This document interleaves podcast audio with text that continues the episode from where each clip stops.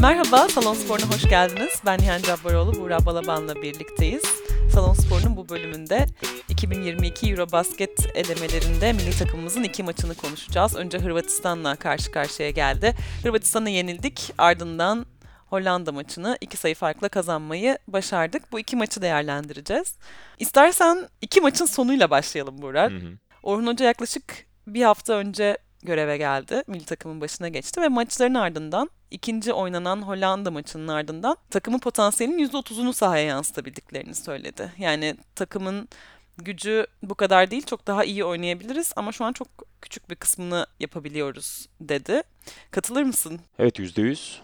Ee, ben yani geçen seneden o Covid'den önce oynadığımız iki maçı kaybetmiştik bildiğin gibi. Hollanda ve İsveç'e. Ondan sonra düşünüyordum. Yani evet belki işte Cedi'li Furkan'ı her maçta kullanamıyorsunuz anlayabiliyorum ama yine de ben bu kadronun, bu havuzun potansiyelinin altında olduğunu düşünüyordum. Şimdi burada da Hırvatistan'a kaybedince üstüne Hollanda maçını kazandık belki ama oyun olarak hiç tatmin eden bir performans izlemedik. Ya ben kendimi sorgulamaya başladım. Acaba hani burada izlediğimiz sıkça eee, salonda da televizyonda da izlediğimiz için kendi oyuncularımızı biraz acaba yüksek mi görüyoruz? Hani potansiyellerini çok mu abartıyorum diye kendimi sorgulamaya başlamıştım. Orhun Hoca'nın açıklaması biraz e, yüreğime su serpti açıkçası. Çünkü bence de öyle, kesinlikle öyle. Yani Larkin zaten özel bir yıldız. Onu ayrı bir kenara koyuyorum ama kalan parçaların da bu kadar ahenksiz, bu kadar birbirinden kopuk, bu kadar hiçbir şey üretemez halde görünmelerinin ben e, onların kalitelerinden ziyade biraz planlarla alakalı olduğunu düşünüyorum. Orhun Hoca bahsettiğin cümlelerin ardından şunu da söyledi. Yani hani daha iyi olacağız Şubat penceresinde buna eminim ama daha hani beraber çalışma fırsatı bulursak daha iyi olabileceğiz diyor ki e, uluslararası basketbolun en büyük sorunu bu. Yani beraber çalışma fırsatı bulamıyor oyuncular yoğun basketbol takviminden dolayı. E, o yüzden o konuda tabii şüpheler var hala. Tabii Euroleague'le FIBA'nın takviminin uymaması bunda çok büyük etkenlerden biri. Yani oyuncuların Hırvatistan maçına gelirken hani bir akşam önce maç oynayıp uçağa binip uçağa bindikleri gün akşamında tekrar milli takımla maça çıkması gerçekten çok zorlayıcı bir faktör. Yani hiç e, konsantre olamadan, birlikte antrenman yapmaya alışamadan sahaya çıkıyorlar ve bu bence özellikle Hırvatistan maçında çok görünüyordu. Yani e, takımın beraber antrenman yapıp nasıl bir oyun oynayacağına karar verme aşaması sanki yapılmamış gibiydi. Yani özellikle Hırvatistan maçında. Hem de aynı zamanda bir yorgunluk tabii ki vardı sanıyorum ki. Çünkü sahaya çıktığı andan itibaren Hırvatistan maçında Türkiye yani neredeyse hiç enerji yoktu hiçbir oyuncuda. Yani tamamen hani yüz ifadelerinden de vücut dillerinden de anlayacağımız üzere böyle biraz hani neye uğradığını şaşırmış tarzda e, oyuncular vardı bence sahada.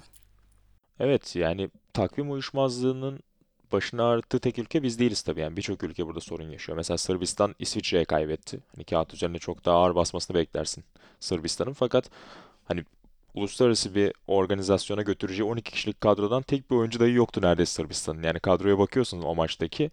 Hani işte zaten NBA oyuncuları yok. Euroleague'de de oynayan birçok oyuncu yoktu Sırbistan kadrosunda. Hani onlar tamamen dağılmış durumda. Biz de Evet yani Cedi Furkan'ı konuşuyoruz. Belki Ersan'ı e, düşünüyoruz hala konuşuyoruz ama onlar dışındaki oyuncuların birçoğu oynuyor. Yani Larkin gibi kıtanın en durdurulamaz oyuncusunu e, milli takım formasıyla izleme şansı buluyoruz artık bu iki maçta beraber. Tamam geldiği gibi bir anda sihirli değnek dokundurmayacaktı belki ama hani onun etrafında diğer oyuncuların da biraz daha rahatlaması, azalan baskıyla beraber daha çok şey ortaya koymalarını bekliyorsun açıkçası. Ama biraz hayal kırıklığına uğradım ben e, o konuda. Tabii ki yani Orhun Hoca'nın yeni geldiğinden bahsettin. O da kolay bir değişim değil. Sadece Orhun Hoca anlamında değil, yardımcı antrenörler de değişiyor sonuçta oradaki ambiyans da değişiyor. O yüzden belki oyuncular da yeni bir şeye alışmak durumunda hissettiler kendilerini. Elbette bu da kolay değildir. Ama bilmiyorum biraz daha mesela Doğuş Özdemiroğlu'nun son çeyrekte yaptıklarını daha fazla oyuncudan, daha farklı dakikalarda da ben görmek istiyorum açıkçası. En basitinden. Ya çok büyük bir enerji koydu Doğuş. Evet, Doğuş Özdemiroğlu Hırvatistan maçı kadrosunda yoktu. Hollanda maçı kadrosuna dahil edildi. Ben kadroda ismini gördüğüm andan itibaren zaten aslında çok iyi bir değişiklik olduğunu düşünmüştüm. Çünkü hücumda hani topla yaratabilecek oyuncu sayısı azdı Hırvatistan maçında. Biraz daha herhalde savunmayı düşünmüş diye düşündüm biraz Orhun Hoca. Ama Hollanda maçında daha hücum odaklı ve daha fazla topu yönlendirebilecek ve hücumu yönlendirebilecek bir e, oyuncu tercihi Doğuş Özdemiroğlu. Evet yani dediğin gibi Doğuş Balbay çok elit bir savunmacı elbette ama hücum konusunda hani bir şeyler yaratmasını beklemek çok gerçekçi değil. Doğuş Özdemiroğlu savunmada da çok e, ısıran, çabalayan bir oyuncu. Bir yandan da hücumda da bir şeyler denedi yani. Ka hani box score'a baktığında kağıt üzerine belki inanılmaz istatistikler ortaya koymadı. Doğuş ama e, o hücumu hareketlendirdiğini hep bir şekilde görebiliyorduk. Zaten hani oyuncu kalitesinin çok düştüğü, işte EuroLeague oyuncuları ve NBA oyuncularının olmadığı için birçok milli takımda oyuncu kalitesi düştüğü için genel anlamda o ekstra eforu ortaya koymak önemli. Ben de buna ihtiyacı olduğunu düşünüyorum takımın. O yüzden beni çok etkiledi ki sen de yani ilk yarıda yazışıyorduk seninle. Sen Doğuş Özdemiroğlu'nu çok daha fazlasını ortaya koyabileceğini düşünüyordun. Mesela ilk yarıda çok fazla süre İlk yarıda almayınca. oynamadı ki. Aynen aynen yani ilk yarıda oynamadığı için zaten hani Doğuş Özdemiroğlu'nun girmesini tercih edeceğini söylüyordun sahadaki birçok oyuncuya kıyasla. Hakikaten de öyle oldu yani. Topu yönlendirme anlamında Berk Uğurlu da tabii önemli katkı yaptı. Ya da Yiğit Aslan da mesela bu oyuncuların tercih edilmesi biraz daha hücumda çeşitliliği arttırabilmek ve kapasiteyi arttırabilmekti bence. Yani keza biraz öyle oldu Hollanda maçında. Evet yani Berk e, Hırvatistan maçının sonunu da gayet iyi oynamıştı. E, orada iyi kapatamamıştık maçı kaybettik ama orada da bir ekstra enerji getirmişti. Yani şu an yani Larkin'le beraber hücum planımız ne istersen onu konuşmaya başlayalım. Genel yetenek toplamının birçok takımda düşük olduğunu değerlendirirsek Larkin çok özel bir cevher şu an bizim elimizde. Yani kıtanın en durdurulamaz oyuncusu. Herhangi bir büyük turnuvaya gittiğimizde de en önemli yıldızlardan biri olacak o aşikar. Ama yani Larkin'le topların, şutların çok büyük kısmını emanet etmekte de problem yok. Ama rakip takımlar da tabii ki Larkin'e ekstra önlem alacaklar ve iki kişi Larkin'in üzerinde olduğunda bizim o dörde üçleri oynayabilmemiz lazım. O konuda diğer oyuncularımızın da daha fazla sorumluluk alması lazım. Bunun için işte hani Berk Uğurlu olabilir, Doğuş Özdemiroğlu olabilir. İyi hissettiğinde Buğra Tuncer bunları çok iyi yapabilir. Ekstra top yönlendiriciye çok ihtiyaç oluyor sahada. Ee, dediğin gibi Orhun Hoca da onu aramaya çalışıyor. Doğru. Özellikle Hırvatistan maçında Shane Larkin de çok parlayamadı.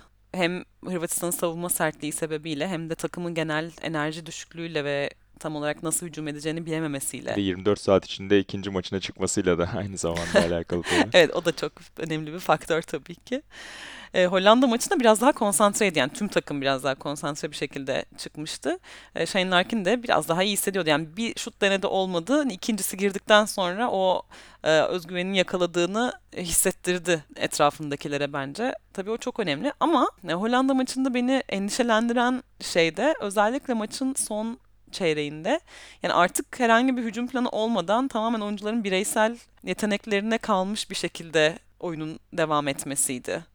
Çok birebir yani bir kişiyle iki kişiyle hücum ediyor gibiydik daha doğrusu. Öyle özetleyelim? Mesela 5 kişiyle hücum ediyor Evet, gibi görmedik hiçbir zaman bizim takımımızı. doğru.